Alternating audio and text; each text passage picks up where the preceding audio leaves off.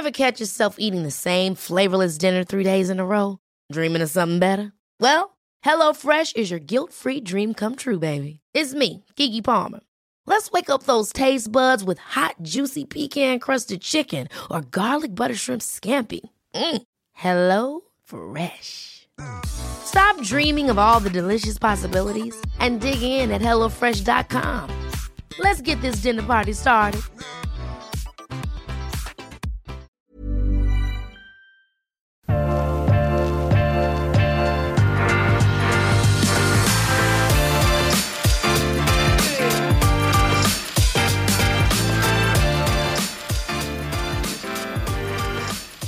Yes, Velkommen til en ny episode av ukens eh, vintips. Og eh, denne uken her så skal vi, vi skal selvfølgelig snakke om et par veldig gode viner. To viner som jeg gleder meg veldig til å smake på nå.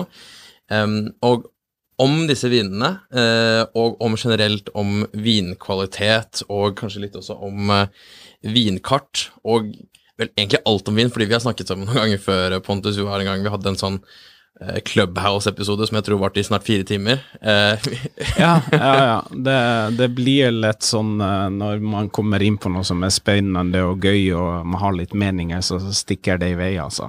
Da går det fort. Eh, Men du er i hvert fall Pontus. Pontus Dahlstrøm. Eh, Tusen takk for at du er her. For dere som ikke kjenner Pontus, eh, hvis du ikke har vært på Kolonialen de siste fem årene, for det er der du har vært de siste fem årene, eller hvis ikke man har vært på Maemo de fem årene før der, du har holdt på med vin eh, kjempelenge, Pontus.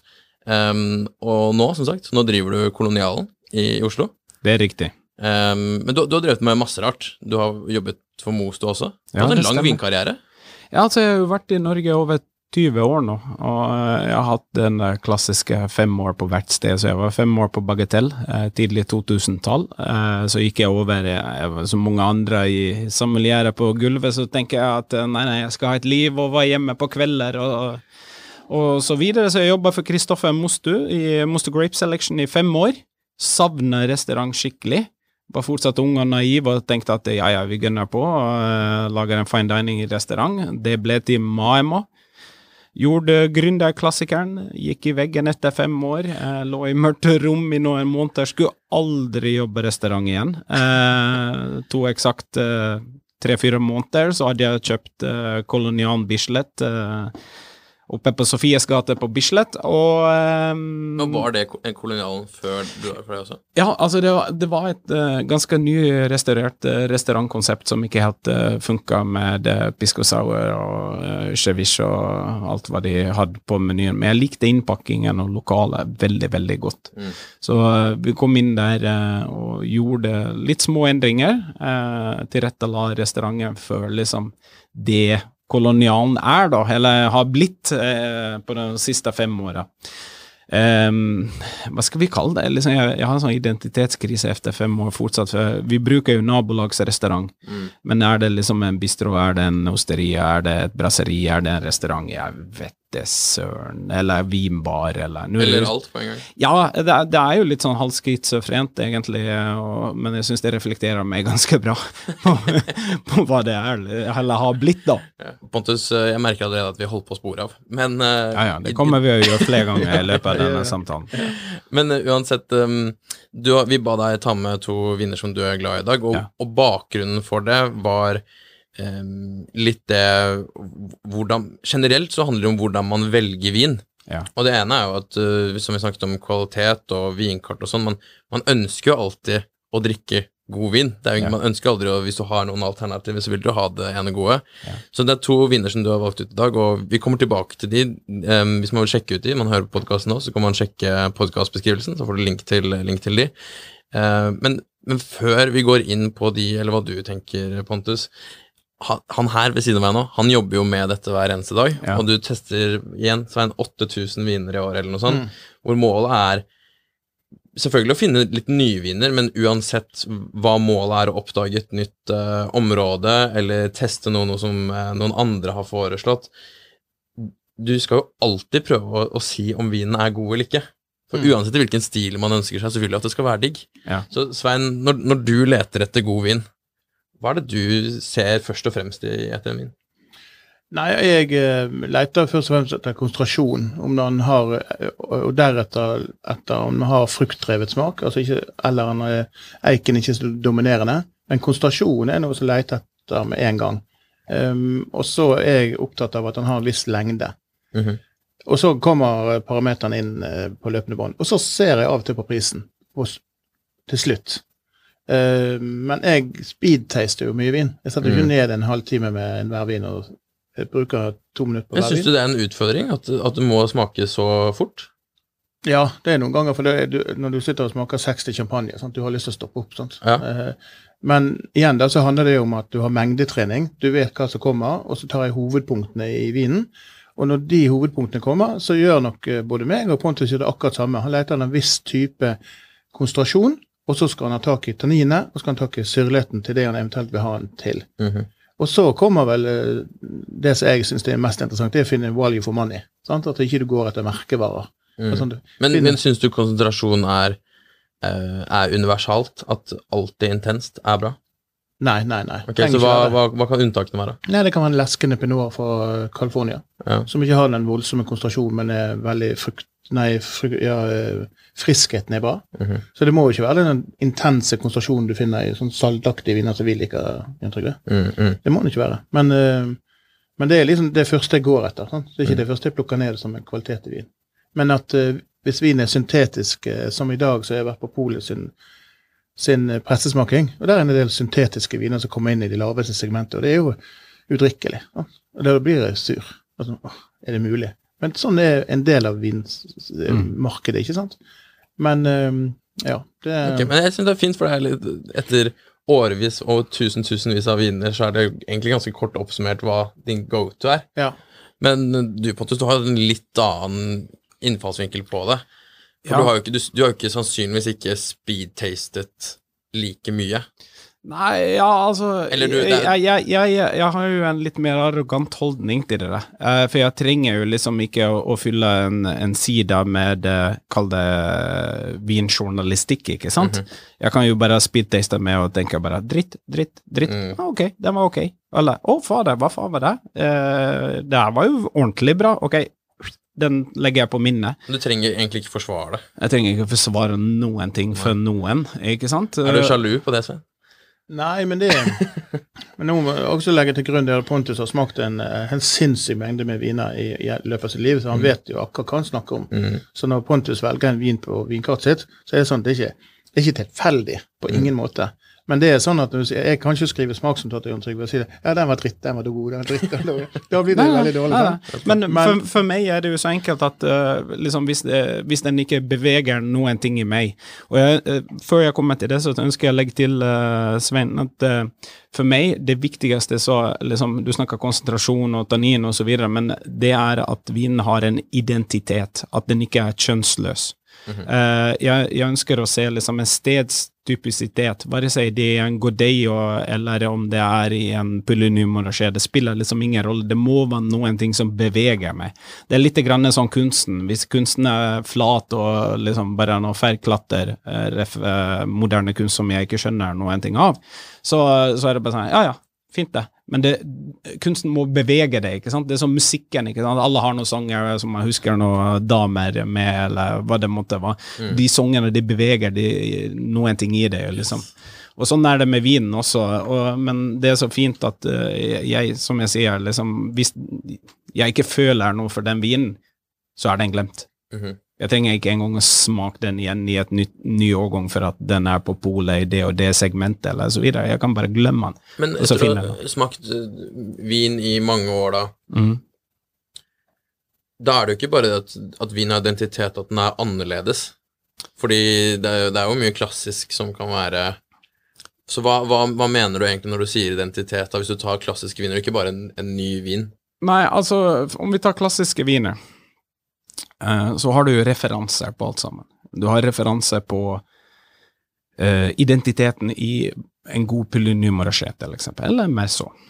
Hva er det den skal vise? Og så har du et referansegrunnlag på produsenter, om vi tar uh, så på eh, bare for å holde det veldig sånn folkelig, Rouleau, korsduri, eh, contlafon, ikke sant? Jeg holder det litt enkelt. Jeg holder det enkelt. Ja.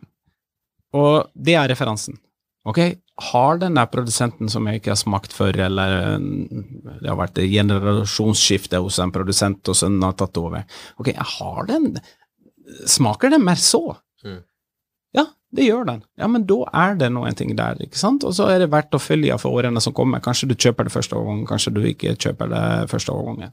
Jeg har jo produsenter som eh, i, Om vi tar Burgund, for å holde det litt isolert, um, som jeg ikke helt skjønner, som andre mener er kjempebra, som er på markedet. Og jeg ønsker jo å utfordre meg sjøl uh, på disse vinene. liksom, Ok, jeg kjøper nå en flaske. Jeg, jeg lagrer det. Jeg smaker det igjen uh, under andre omstendigheter i uh, hyggelig lag. Gir det en sjanse? Jeg gir det en sjanse, liksom, for, for jeg sier jo ikke at liksom, sånn, sånn som jeg mener at vinen skal være det riktige, utan jeg må jo utfordre meg sjøl. Men sen, sen, når vi kommer til det, jeg, jeg har jo merket at med årene, nå 25 år med vin, liksom, og hovedsakelig fine wine, så blir jeg jo bare særere og særere og særere. Jeg, jeg mener jo liksom helt seriøst at 99,9% av all nye verden, pinot eller chardonnay, det er det samme som en fake Rolex fra Hongkong. Mm -hmm. Det er liksom, det, det, er ingenting som beveger meg. Ja, objektivt sett så kan det være bra laga viner, korrekt laga viner, ren frukt, god konsentrasjon, perfekt integrert fat, god lengde og alt sammen. Men, men det skjer ingenting med meg. Det, mm. det, det, det, er flatt. Det er liksom bare sånn Ja, det var jo godt, men uh, Men tror du det er fordi de prøver å imitere Burgund? For det er jo også eh, dårligere produsenter i Burgund som prøver å imitere de bedre produsentene i Burgund, så mange prøver på Målet er jo det samme. Det er jo som så at jeg er fryktelig bortskjemt ikke sant? Mm med å smake de beste av de beste. Og jeg er jo på konkursens rand privatøkonomisk sett, for jeg drikker jo altfor mye dyr, god vin. ikke sant? Men jeg klarer ikke å kose meg. Nei. Jeg klarer ikke med en sånn halvgod slappburgunder, slapp burgunder, liksom sier ja, men det er et godt kjøp, skriver eh, eh, Finansavisen, eller eh, DN, eller hva det måtte være. Liksom. Jeg, jeg, jeg, sliter skikkelig med meg sjøl når det kommer til å drikke vin, for jeg er så sær. Men du sa, du var inne på dette med, med referanser. Jeg husker jeg hadde en kompis en gang, dette er noen år siden, da, før han sluttet å klage på meg, hvor jeg hadde jeg skulle være med på en middag og jeg skulle smake noen skikkelig gode viner, og da hadde jeg ikke smakt så veldig mye gode viner. Og, eh, og, eh, han så på meg, og så sa han at eh, det, For jeg spurte skal du ikke være med, eller mm. hvorfor gjør ikke du det? Og så sier han ja, men jeg, jeg, er ikke Jeg er ikke god nok til å smake de vinene ennå. Nei, ikke sant. Og, og det syns jeg var litt sånn Da tenkte jeg faen, kanskje han har rett, kanskje jeg egentlig bare kaster bort pengene mine. Men det satt i meg det at etter jeg var på en sånn smaking, og så smakte jeg noen viner som jeg syntes var fantastiske. Så satt de i som referanser i meg senere. Ja. Og det, på skikkelig gode viner så merker jeg egentlig at eh, man egentlig ikke trenger å kunne så mye om vin, for det beveger deg litt uansett at det, det, er ikke teorien bak det. Nei, og da, og da trenger man ikke kunne så mye for å kunne få den referansen, fordi det smaker så jævla godt, ja. uansett hvor mye du kan. Men har du også noen referanser, Svein, når du smaker? Ja, det er akkurat samme referansepunktet, da. Det er der du liksom jakter etter det. Akkurat så du, Trygve, du jakter etter eh, referansen akkurat nå. Eh, og sånn har jeg det også. Jeg har min eh, Frank Corneliussen på eh, på Sicilia. Jeg har mine burgundprodusenter som er i smørtone der skal jeg jakte etter. Den saltheten som vi snakker mm. om. Eh, og så alt annet er liksom under. Eh, champagne på visse typer vin. er jeg, men jeg er veldig open-minded med rett og slett å gi alle en sjanse. Sant? Og det ja. gjør jeg hver eneste dag. Ja. Jeg åpner og prøver, men jeg må innrømme det har noen tøffe dager noen ganger. og sånn, åh, dette her er for enkelt. Men så er det det jeg ikke alltid ser hos deg, eh, Pontus, det er at selv om du sier at din egen smak er høy, sant? Ja så er ikke det overført direkte til vinkartet og vinstilen man har på Koldial. Det er veldig mye bra vin serveres, men også til veldig gode priser. Ja. Sånn? men det, hvor viktig har det vært å ha bredd av priser, da? Eller hva er liksom Nei, det har jo eh, Jeg, jeg har lest vinkartet her om dagen. Satt og, og kikka. Vi har jo per dags dato så har vi kanskje 60% av all vin som vi har i kjelleren, som er på kartet. Og vi, vi, har vært uh, heldige og, og til dels flinke også, uh, spesielt de ansatte, liksom, på å gjøre en god jobb, og økonomien er sunn, så vi har kjøpt mye vin. Mm -hmm. Men eh, jeg, jeg syns jo sånn Jeg er fryktelig, fryktelig, fryktelig redd for at liksom framstå som en dyr eh, restaurant. For jeg ønsker jo å være tilgjengelig. Lavterskel, eh, lave skuldre. Liksom komme inn og ta en hovedrett og et glass vin.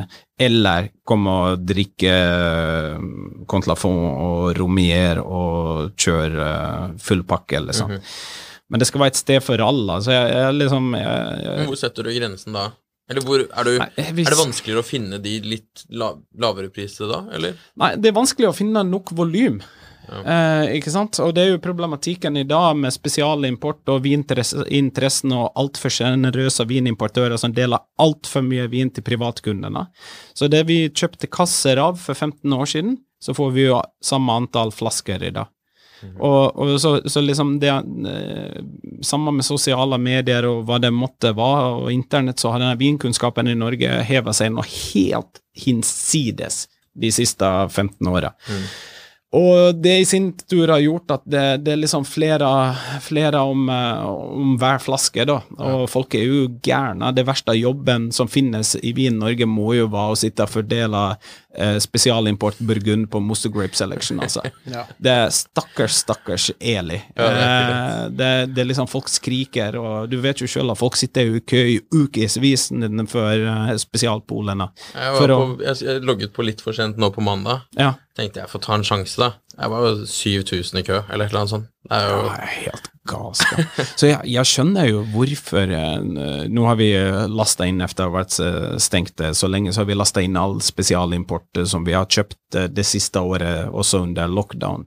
Så har kommet inn i kjelleren, og jeg har jo ikke plass, så jeg må bygge ny kjellere. Det er totalt kaos.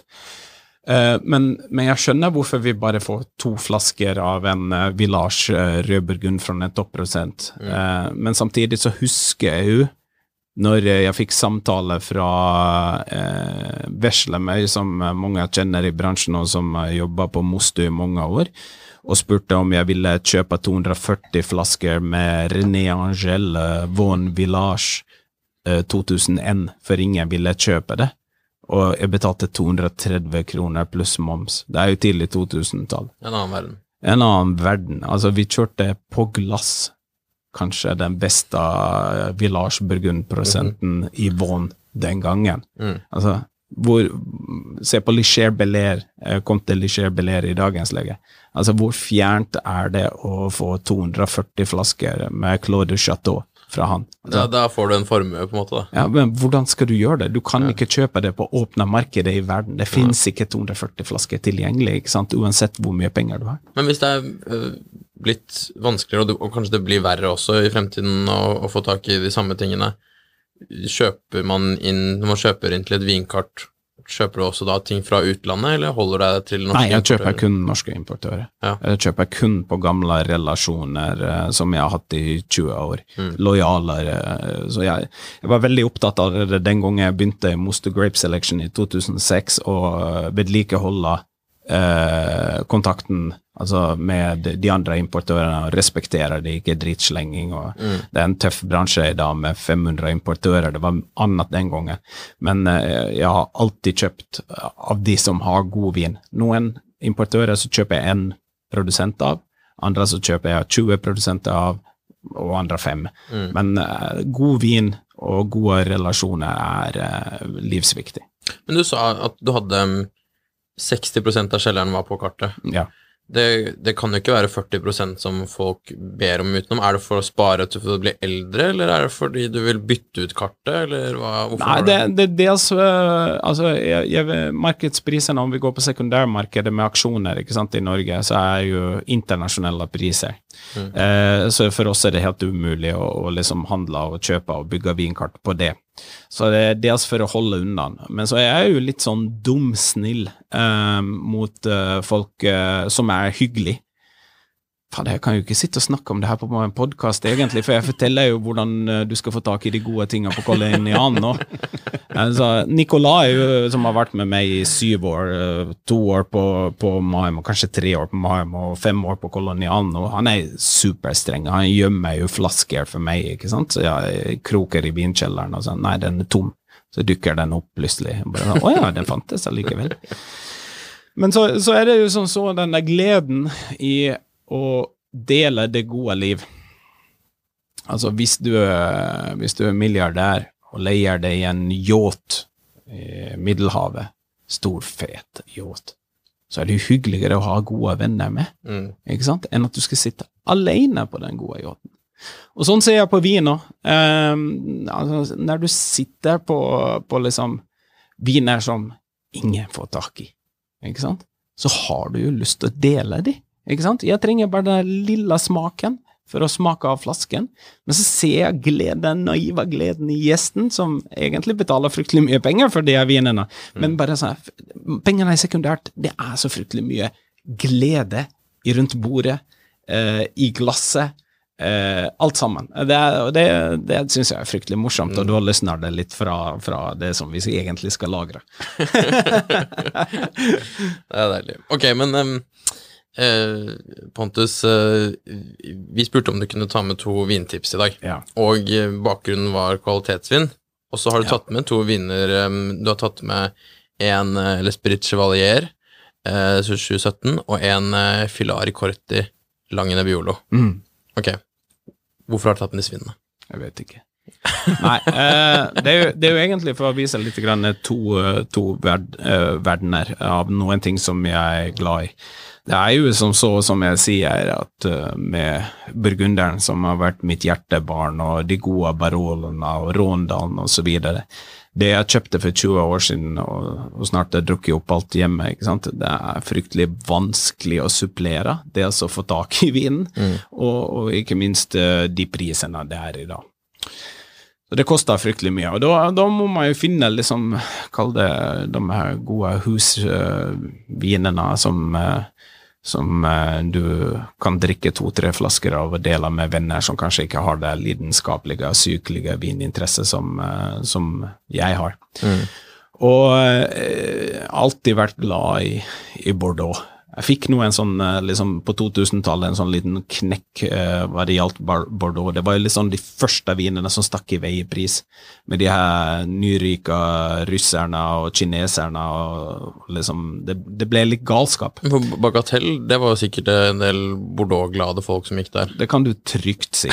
Og det var jo liksom Jeg har jo fått en helt fantastisk oppdragelse på Bordeaux-vin, egentlig, av sjenerøsiteten til, eh, til Kristen Sveås, ikke sant. Og også ikke sjenerøsiteten mot meg direkte, men hans sjenerøsitet mot sine venner og kolleger som satte rundt eh, hans bord eh, på Bagatell titt og tett, hvor han åpna ikke sant, eh, 61 Latour mot 62, eh, og du ser at å fader, the good value is eh, 62. Eh, og, og alle de der, så jeg, jeg, liksom, jeg har smakt mangt og mye, men eh, når jeg slutta på Bagatell eh, eh, til juli 2005 så hadde jeg jo ikke referanser på yngre Bordeaux enn eh, 1989 eller 90, liksom. Det var jo de her gamle, store kanonene, men det er samtidig litt referansegrunnlaget, da, som du kan lete etter i de yngre vinene. Og, og så er det Jeg er jo lykkelig gift, og jeg har en kone som også har jobbet i restaurantbransjen i mange år, og er eh, veldig, veldig, veldig glad i hvit bordeaux. Og eh, vi eh, drikker en hel del hvit bordeaux. Det er jo ikke så mye å velge på der ute eh, i, i markedet, og det er i hvert fall eh, Selv ikke på polet heller. Nei, altså hvit Bordeaux vi har, Jeg har skrevet om det flere Ja. ganger, Pontus. Og, Ja. og det som skjer med hvit Bordeaux, er det at det finnes masse røverkjøp, rett og slett. ja, det er helt magisk. Eh, og denne vinen her, når vi bare fikk tak i den, eh, så er det bare en sånn eh, 4-25 flasker igjen i Norge akkurat nå. Ja. Men det kommer mer. sant? Neste ja. allogasjon. Det er jo det som er så fint med Bordeaux, for det kommer alltid mer. Mm. Eh, og det, det er jo ingen som har en eh, agentur på det, utan det er jo, de kjøper jo via negosiene, de forskjellige importørene. Så det er jo viktig å følge med litt grann på prisen. For uh, du, denne vinen er importert i samme årgang av to importører, tror jeg, og det er 70 kroner forskjell eller noe Ja, sånt. ja, ja. Og den er, den er 3,50. Hva koster den to Det- forskjellige ting på polet? Ja, det kan den gjøre. Den samme vinen? Samme Ja. vin. Noe ligger den bare har jeg aldri hørt om. Nei, det er spesielt for Bordeaux. Sånn at det kan være Men den her den koster 350 kroner eller noe sånt. 350, ja. Og det er 24 flasker igjen, og det er en supervin. Det sier jo noe Ja. om eh, at ja, det er da må det være undervurdert, for det er ikke ofte du hører at det er en supervin som koster 350 kroner, som, som blir liggende på polet. Men det er hvit, hvit bordeaux. sant? Hvis vi da går inn mot smaken, sant? Ja. så kan ikke du sammenligne direkte mot Burgund sin smørtone. Her er det noe annet. sant? Her er noe annet, men eh, det er noen ting av mange verdener, om vi sier sånn så, for å prøve å forklare hvit bordeaux og min fascinasjon av det. Uh, jeg er i grunn og bunn glad i Savion Blanc. Punktum. Jeg er glad i det aromatiske fruktspekteret, altså stikkesbær, solbærblader. eh, der. Jeg syns at det fører en sånn frisjør eh, med seg, som jeg syns er veldig deilig, spesielt på sommerhalvåret. Veldig mye Savion Blad, foruten noen få topprodusenter. Nå snakker jeg ikke om nye verden, som eh, til tider lukter kattepiss og er liksom sånn altfor mye. Det er liksom Yes. uh, Det blir- for voldsomt. Nei, jeg snakker Loire, da. Jeg snakker Poifume eh, og sanser. Sancerre. Noen ganger så syns jeg at Savion Blad-druen, når den serveres eller eh, tilverkes alene, liksom ren Savion Blad, blir for spinkelt. Det blir litt sånn anorektisk. Det mangler den konsentrasjonen eller kroppen og fylden som vi snakka om eh, innledningsvis. Særlig balansert mot de superintense aromatiske delene. Eksakt. Men det har man jo løst i Bordeaux, med at man blander det samme med Semillon-druen. Eh, Semillon er jo samme drue som vi lager de, eller vi sier, men de lager de, de søte, botrytiserte vinene av. Og den bidrar med en kropp og en fylde. Ok. Hvis du setter spinkel vin på eikefat og pakk, prøver å pakke inn det i eik, så blir det nesten bare verre. Eh, sånn, jeg er ikke så glad i sånne eh, eikelagra sanserer eh, hvis det ikke er nok konsentrasjon, for det, det blir bare rart og svært lite interessant. Men av semillon-druen her, så, så tåler den liksom eh, å få litt fatlagring, få en større kompleksitet, en større rundhet. Og plutselig av semillon og fat. Jeg sier ikke at vi leter etter burgundi à i wiener, viner, men det får noe av den der samme litt runde eh, Kanskje ikke direkte smøraktige, men den, fyller ganen med litt sånn voks, den er feta. Den sant. fedmen kommer Den, presist den, den fedmen, ja. ikke sant? Og det samme med det der urtete gjør jo dette til noe av de mest undervurderte matvinene. Mm. Ja. Punktum. Altså, Jeg synes jo at, som du er inne på der med hvorfor det går så godt til mat, Ja. en av grunnene til at jeg synes at eh, Vi har snakket, hatt mange episoder Svein, om vin og hvilken mat det går til og sånn, men jeg merker jo selv at hvis jeg har noe mat eh, som det passer å ha hvitvin til, så går jeg jo nesten alltid til hvitburgund. Ja. Fordi det er én, det er deilig, Mm. og det er veldig matvennlig. Mm. Og det er noe av det samme som gjør den her også matvennlig. Som gjør at det nesten kan, hvis man liker stilen, Ja. at det kan drikkes til nesten all mat som trenger hvitvin. Men det, men det handler litt om uh, din kunnskap også, ikke sant? Din kunnskap rundt Burgund. Uh, Marcus Del Monego, en tidligere verdensmester, vinkelner verdensmester, en tysker. Uh, fantastisk karakter, kan vi si. Så han sa veldig tidlig i min karriere så sa han at kan du din tysker Riesling godt nok, så kan du kombinere det med alt av mat. Mm. Og det, det handler eh, liksom om din kunnskap. Og det så er det jo med burgunderen også, at kan du burgunderen din godt nok, Mm. så finnes det en burgunder for all mat. Dessverre så er det jo kanskje ikke så på hvit bordeaux, eh, at det finnes en hvit bordeaux for all mat, Mm. men eh, det er veldig mye mat. Altså lett å Litt av grilla kyllingretter med en uh, bitter salat på sommeren. Eh, altså Og det kommer kan man spise ganske mange ganger om Ja, sommeren, ja, så da går den vinen ofte òg. Alltid, eh, unnskyld, jeg skal bare avslutte det. Alltid tidlig i sesongen, eh, når vi kommer til sånn april og mars, man får inn de første gode grønne aspargesene. Da kommer årets første uh, Vita Bordeaux på bordet hjemme. Og det er aldri jeg som tar den, det er kona som kommer hjem. Nå skal vi ha hvit Bordeaux. Men ser man historisk på akkurat Bordeaux, så har det alltid vært snakket om rødvin. ikke sant? Eh, Ja. Og det har også innkjøpene vært, det har også tenderne vært, Ja. og det har all fokuset vært. Ja. Så det er ikke, Og når man ser på gamle vinkart, du husker det på, på Bagatell, eh, så handlet det om de gode gamle årgangene, sant? og det var de toppslottene som var etgjengelige og godt priset. Eh, hvit Bordeaux, pga. den hvite eh, til burgunderen som var der, så var det den som solgte, og det var folk, det, folk ville ha det. Ja. Og så har det blitt en moteting, på en måte. Men så har jo også Bordeaux utviklet seg kraftig på på annenviner, sant? som Ja. denne her er. sant? Eh, og der tror jeg at eh, de store, gode kjøpene fra Bordeaux gjøres i dag. Det er på annenvinen til de store slottene. Ja. De der produserer mye mer, og prisene opp til rundt 700 kroner.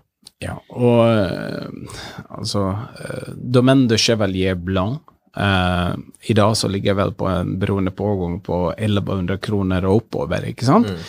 Og da får man si hva man vil, eh, men da begynner det å bli en vin faktisk for spesielle anledninger. Uh, du, spesielt om du går på restaurant, så blir det jo fryktelig mye dyrere, ikke sant? Så, så der syns jeg L'Esprit du Chevalier har en helt unik posisjon i markedet hva det gjelder pris kontra kvalitet.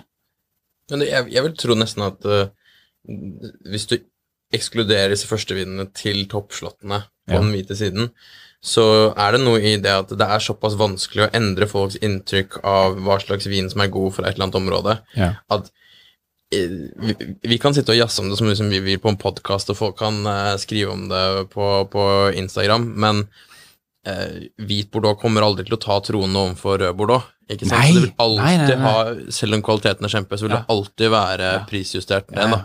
Men det, det, er jo, det er jo det vi gjør her, her og nå, så er jo at vi bevisstgjør folk eh, på at ok, få opp øynene på det her. Mm. For, det som er et godt kjøp. ikke Det er et sant? godt kjøp, ikke For du velger jo denne vinen her Ja. til aspargesen din når den kommer til konjal. Ja, ja. Sånn, fordi at, ah, kontra å ta en annen, f.eks. En, eh, en hvit burgund. Sånn. Det, blir, det blir kanskje for dyrt, og så vet du får samme eh, matchen til det. sant? Ja. Det er jo som så at den, jeg skal bare legge til det, når du sier for dyrt, for dyrt, det er jo ikke så at hvit burgunder noensinne kommer å bli for dyrt, men det er fryktelig mye penger, bare. Det var jo et godt sitat. Så jeg, jeg er jo veldig kjapp på å å dra på triggeren. Jeg er jo ikke interessert i bil, til eksempel. Mm. Så jeg sier jo automatisk at en Porsche eller en Ferrari eller sånn er en dyr bil. Ja, det koster, men jeg har koster jo- 100 000 i året. Ja, men jeg har jo ingen kunnskap Mm. uh, for, å, for å si det. Altså Om du tenker all teknologi som er bra bak all forskninga og utvikling av en bil, er det en dyr bil, eller koster den bare fryktelig mye penger for meg? Men, sånn, men med prisene på når du sier det om hvit Det kommer aldri til å bli dyrt, det kommer bare til å ha mye penger. Jeg husker at det var Det er ikke mer enn seks-syv år siden hvor eh, jeg tror det var noen her i avisen som eh, intervjuet en del ganske velstående mennesker og spurte de når blir det for dyrt for deg å kjøre bil pga. bensinprisene. Og da Ja. sa de ja, hvis det, hvis det blir over 15 kroner, da kjører faen ikke jeg mer bil. Og der er vi da. Nå er vi liksom, hva er det, 18-19, ikke Ja. sant? Og, Ja. og sånn kommer det helt sikkert til å være med hvitburgund ja. også, at det kommer til å koste Folk sier de har en grense, men de har egentlig ikke noen grense. Jeg har mista, jeg har mistet den grensa for lenge, lenge, lenge siden, altså. Det er, jeg lever som en boms og drikker som, eh, som en gud. Ok, men vin nummer to her, Yes. Pontus. La Morra eh, Pimonte, en av disse eh, små åsene i Pimonte. Eh, det er jo to søstre, relativt eh, ny produsent, som eh, i min personlige gane har truffet en eh, nerve. Dette er altså en, en lange Nebbiolo, så det er Nebbiolo-druen som kan komme hvor som helst i Piemonte ifra. Det er en ung vin, det er en 2020. De er unge, de er eh, pene, eh, de er uh, fremadstormende. Og eh, tradisjonelt sett eh, så har jeg vært ganske konservativ på Nebbioloen. ikke sant? Nebbioloen er ikke interessant før den går over i sekundære romer og har fått eh, x antall år og kommer fra den og den topprodusenten. Men nå skal jeg ikke helt si sikkert, men jeg mener at første årgangen på denne var 2019. Eh, Ja, som, eh, eh, de startet opp i 2007, så var det en, en god del år med ja. li, veldig liten produksjon, og så kom de med denne her i Ja. 2019. ja, jeg tror at Rebel Group Ja. så importerte 2019 første årgangen, eh, Ja, ja, ja. som kom i våres. Og den, den var litt, litt mer tilbakeholden, den var litt mer klassisk i, i stilen, og jeg tipper at den her kommer etter hvert når den får hvile et halvt år og gå samme vei. Men det var bare sånn, wow. Eh, altså her har vi en produsent som har truffet mellom det tradisjonelle eh, hva skal jeg si eh, eh, Tradisjonelle nebbiolene som er litt sånn tanisk, den er litt jordlig, den er fjøsete, den har ikke så mye kropp, kropp å fylle. Og samtidig så har, de tatt de beste elementene fra eh, det modernistiske med en eh, god, deilig fruktapproach. Altså Her snakker vi nå 230 ish kroner, og det smaker ren Nebbiolo.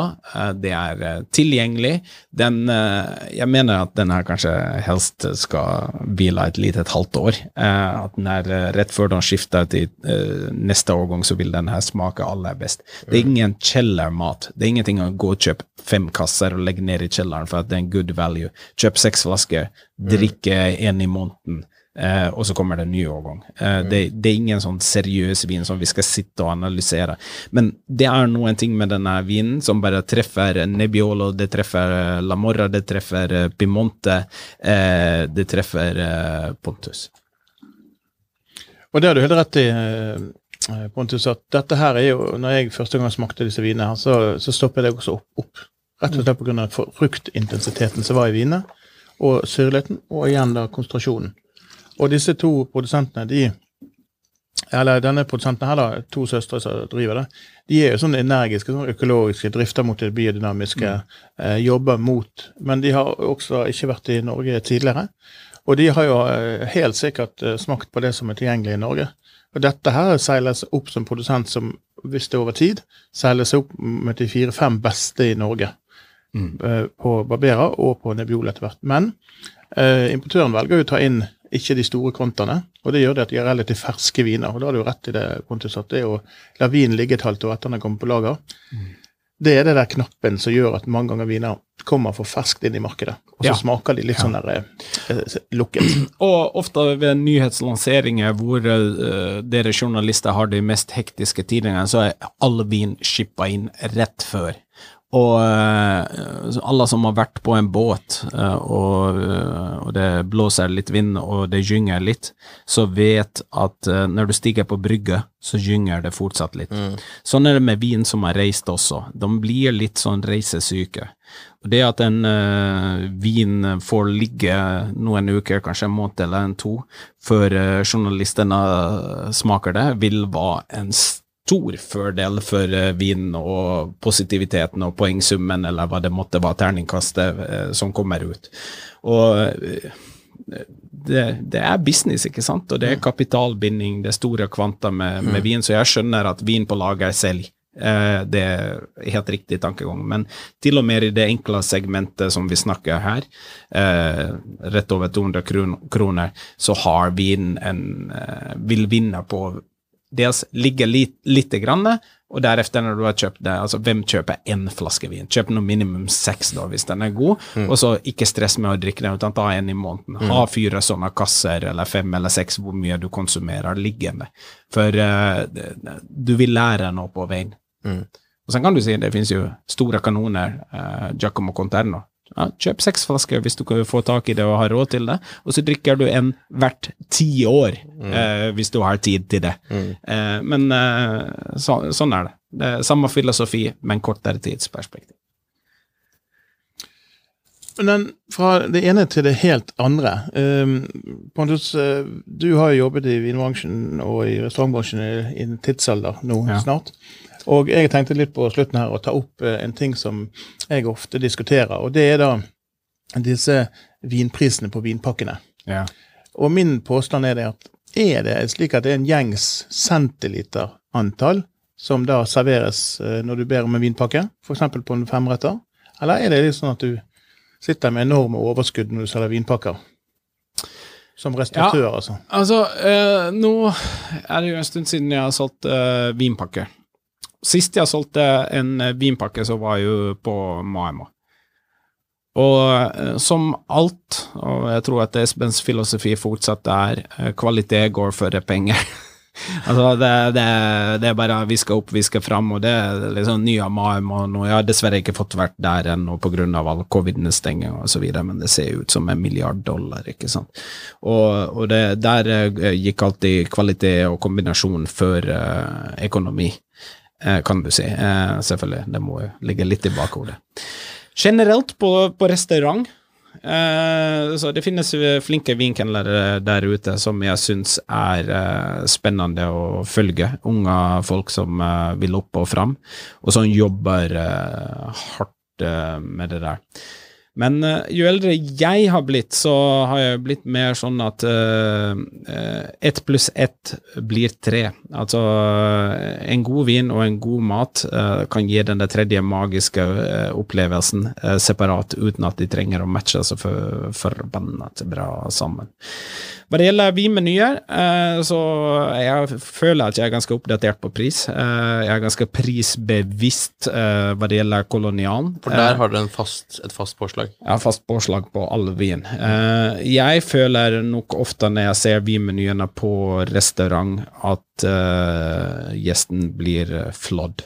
Mm. Nå, sier jeg, nå drar jeg ikke alle under én kam, men, uh, men mange steder? Mange steder. Mange steder. Men burde man være obs på det som, som, gjest, eller skal man la det gå litt? Det er jo noe ved også det også for Altså, jeg ser noen ganger at jeg eh, hører om en vinpakke, eller smaker en vinpakke, og så tenker jeg det her er jo ikke Her betaler jeg mye for vinpakken, men i det minste så slapper jeg å velge. Og det er noe verdi i det, det, at jeg får, jeg får smakt fem-seks viner, da. Og, det, og det, det, er nok det du betaler for. Du må ta den, uh, den approachen. For ting er, altså, om, om, vi skal gå helt ned i detalj på det, så er det jo sånn så Hvis vi hadde servert en, uh, tatt alle retter og kjørte en matblender og serverte som smoothie, så hadde, hadde hver slurk smakt akkurat likt opp mot vinen. Mm. Men når du har en tallerken ikke sant, med uh, spørs på restauranten alt fra 3 til 20 komponenter, ikke sant, og du har en gaffel eller du har en skje, så skal du balansere det her, da. ikke sant? Du har litt syre der, du har litt crunch der, du har såsen, mengde sås opp mot kjøttet, du har det grønne urtete fra det, du har hvor mye crust, hvordan du skjærer kjøttet, eh, hvor mye blødende kjøtt Altså, det, er så mange millioner kombinasjoner som du kan mm. sette på din, uh, din uh, gaffel. Og det at finne den perfekte kombinasjonen opp mot vinen. Det vil variere fra gaffel til gaffel. ikke sant? Jeg sier at vi kan være 90% innenfor, men 90 er aldri godt nok. ikke sant? Du skal streve for perfeksjon om du skal opp og fram. Og uh, perfeksjon det eksisterer ikke. Hvis du tror at perfeksjon eksisterer, så kommer du å bli bekvem. Mm -hmm. For nå har jeg oppnådd eh, perfeksjon. Hvis du blir bekvem, så blir du lat, og hvis du blir lat, så tar noen annen din posisjon i restaurantmarkedet. Du skal faen aldri være fornøyd, du skal alltid bli bedre, uansett segment, ikke sant, og det gjelder spesielt mat- og drikkeskombinasjoner. Jeg syns det er fryktelig, fryktelig, fryktelig vanskelig. Jeg er aldri Jo, jeg har en kombinasjon jeg er jæklig fornøyd med. Ok. Og nå kommer det. Fra mannen som mener ingen ting er godt nok, så er det én ja, kombinasjon. En kombinasjon. Og vet du hvorfor? For vi er nesten på den smoothie-konsistensen. Dere har begge spist eh, Espen Holmbobangs rømmegrøt ja, ja, med bruna smør mm -hmm. og, og, og reinsdyr ja. mm -hmm. raspa over. Og det er ikke sånn at det er biter av reinsdyr, det er jevnt fordelt. Hver skje av den rømmegrøten smaker eksakt likt, mm -hmm. ikke sant? Nå begynner det å bli noen år siden. Men eh, 1994, Vinja Tondonia Reserva fra Lopez Heredia, mm -hmm. sammen med den eh, rømmegrøten. Hvis du ikke får gåsehud av det, så er det eh, noe feil på det. Det er, det, det er den eneste gangen jeg kan si at jeg har vært eh, Jeg har klart perfeksjon. Det er det eneste gangen. Ellers har jeg aldri vært fornøyd, aldri godt nok, og da stoler jeg i hvert fall ikke på andre. Litt sånn arrogant, men uh, det er fakta. Men oppsummerer i hvert fall det Pontus uh, sin personlighet, for det at uh, jeg vet jo hvordan den er. Og den er jo slik at du alltid tilstrebet det. det ja, men det er på grensen men, ja, men det er på grensen til sykt litt. men, mener på den noten der Jeg bare smiler, for jeg får, jeg får veldig lyst til å smake det. Jeg, um, på den noten der, Pontus, så runder vi av for i dag. Vi har sittet der kjempelenge nå, vi kunne sittet her i mange timer til. Og håper du vil komme tilbake hit, og så snakker vi om masse andre ting også. Når som helst. Tusen, takk. Ever catch yourself eating the same flavorless dinner three days in a row? Dreaming of something better? Well, HelloFresh is your guilt-free dream come true, baby. It's me, Kiki Palmer. Let's wake up those taste buds with hot, juicy pecan crusted chicken or garlic butter shrimp scampi. Mm. Hello Fresh. Stop dreaming of all the delicious possibilities and dig in at HelloFresh.com. Let's get this dinner party started.